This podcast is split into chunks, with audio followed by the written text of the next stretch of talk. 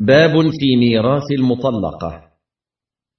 من المعلوم أن عقد الزوجية هو مما جعله الله سببا من أسباب الإرث حيث يقول جل ثناؤه ولكم نصف ما ترك أزواجكم إن لم يكن لهن ولد فإن كان لهن ولد فلكم الربع مما تركن. من بعد وصية يوصين بها أو دين ولهن الربع مما تركتم إن لم يكن لكم ولد فإن كان لكم ولد فلهن الثمن مما تركتم من بعد وصية من بعد وصية توصون بها أو دين الصفحة الثانية والسبعون بعد الثلاثمائة. فما دام عقد الزوجية باقيا فالارث باق ما لم يكن هناك مانع من موانع الإرث.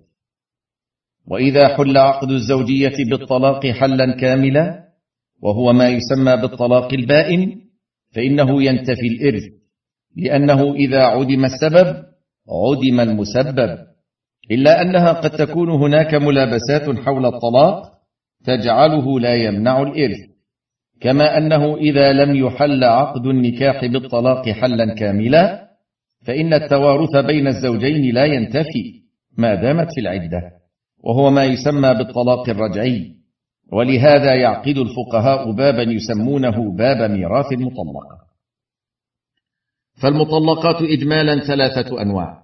النوع الأول المطلقة الرجعية سواء حصل طلاقها في حال صحه المطلق أو مرضه. الثاني المطلقة البائن التي حصل طلاقها في حال صحة المطلق.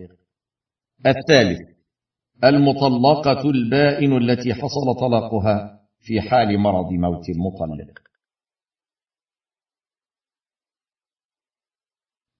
الثالث المطلقة البائن التي حصل طلاقها في حال مرض موت المطلق. فالمطلقة الرجعية ترث بالإجماع إذا مات المطلق وهي في العدة لأنها زوجة لها ما للزوجات ما دامت في العدة. والمطلقة البائن في حال الصحة لا ترث بالإجماع لانقطاع صلة الزوجية من غير تهمة تلحق الزوج في ذلك. وكذا إذا حصل هذا الطلاق في مرض الزوج غير المخوف. والمطلقة البائن في مرض الزوج المخوف وهو غير متهم بقصد حرمانها من الميراث لا ترث أيضا.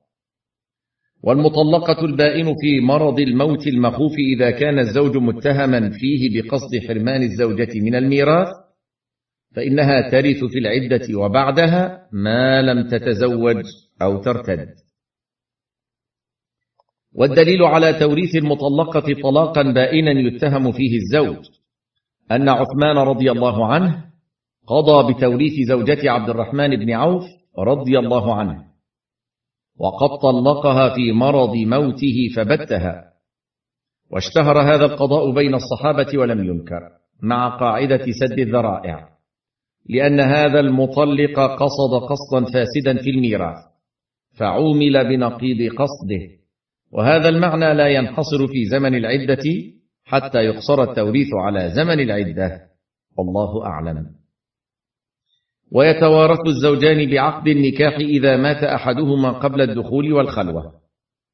لعموم الآية الكريمة وهي قوله ولكم نصف ما ترك أزواجكم إلى قوله. ولهن الربع مما تركتم الآية. لأن علاقة الزوجية علاقة وثيقة وشريفة. يترتب عليها أحكام وتبنى عليها مصالح عظيمة. فجعل الله لكل منهما نصيبا من مال الآخر إذا مات كما جعل لأقربائه. وهذا مما يؤكد على الزوجين أن ينظر كل منهما إلى الآخر نظرة احترام وتوقير وهذه في أحكام الإسلام كلها خير وبركة.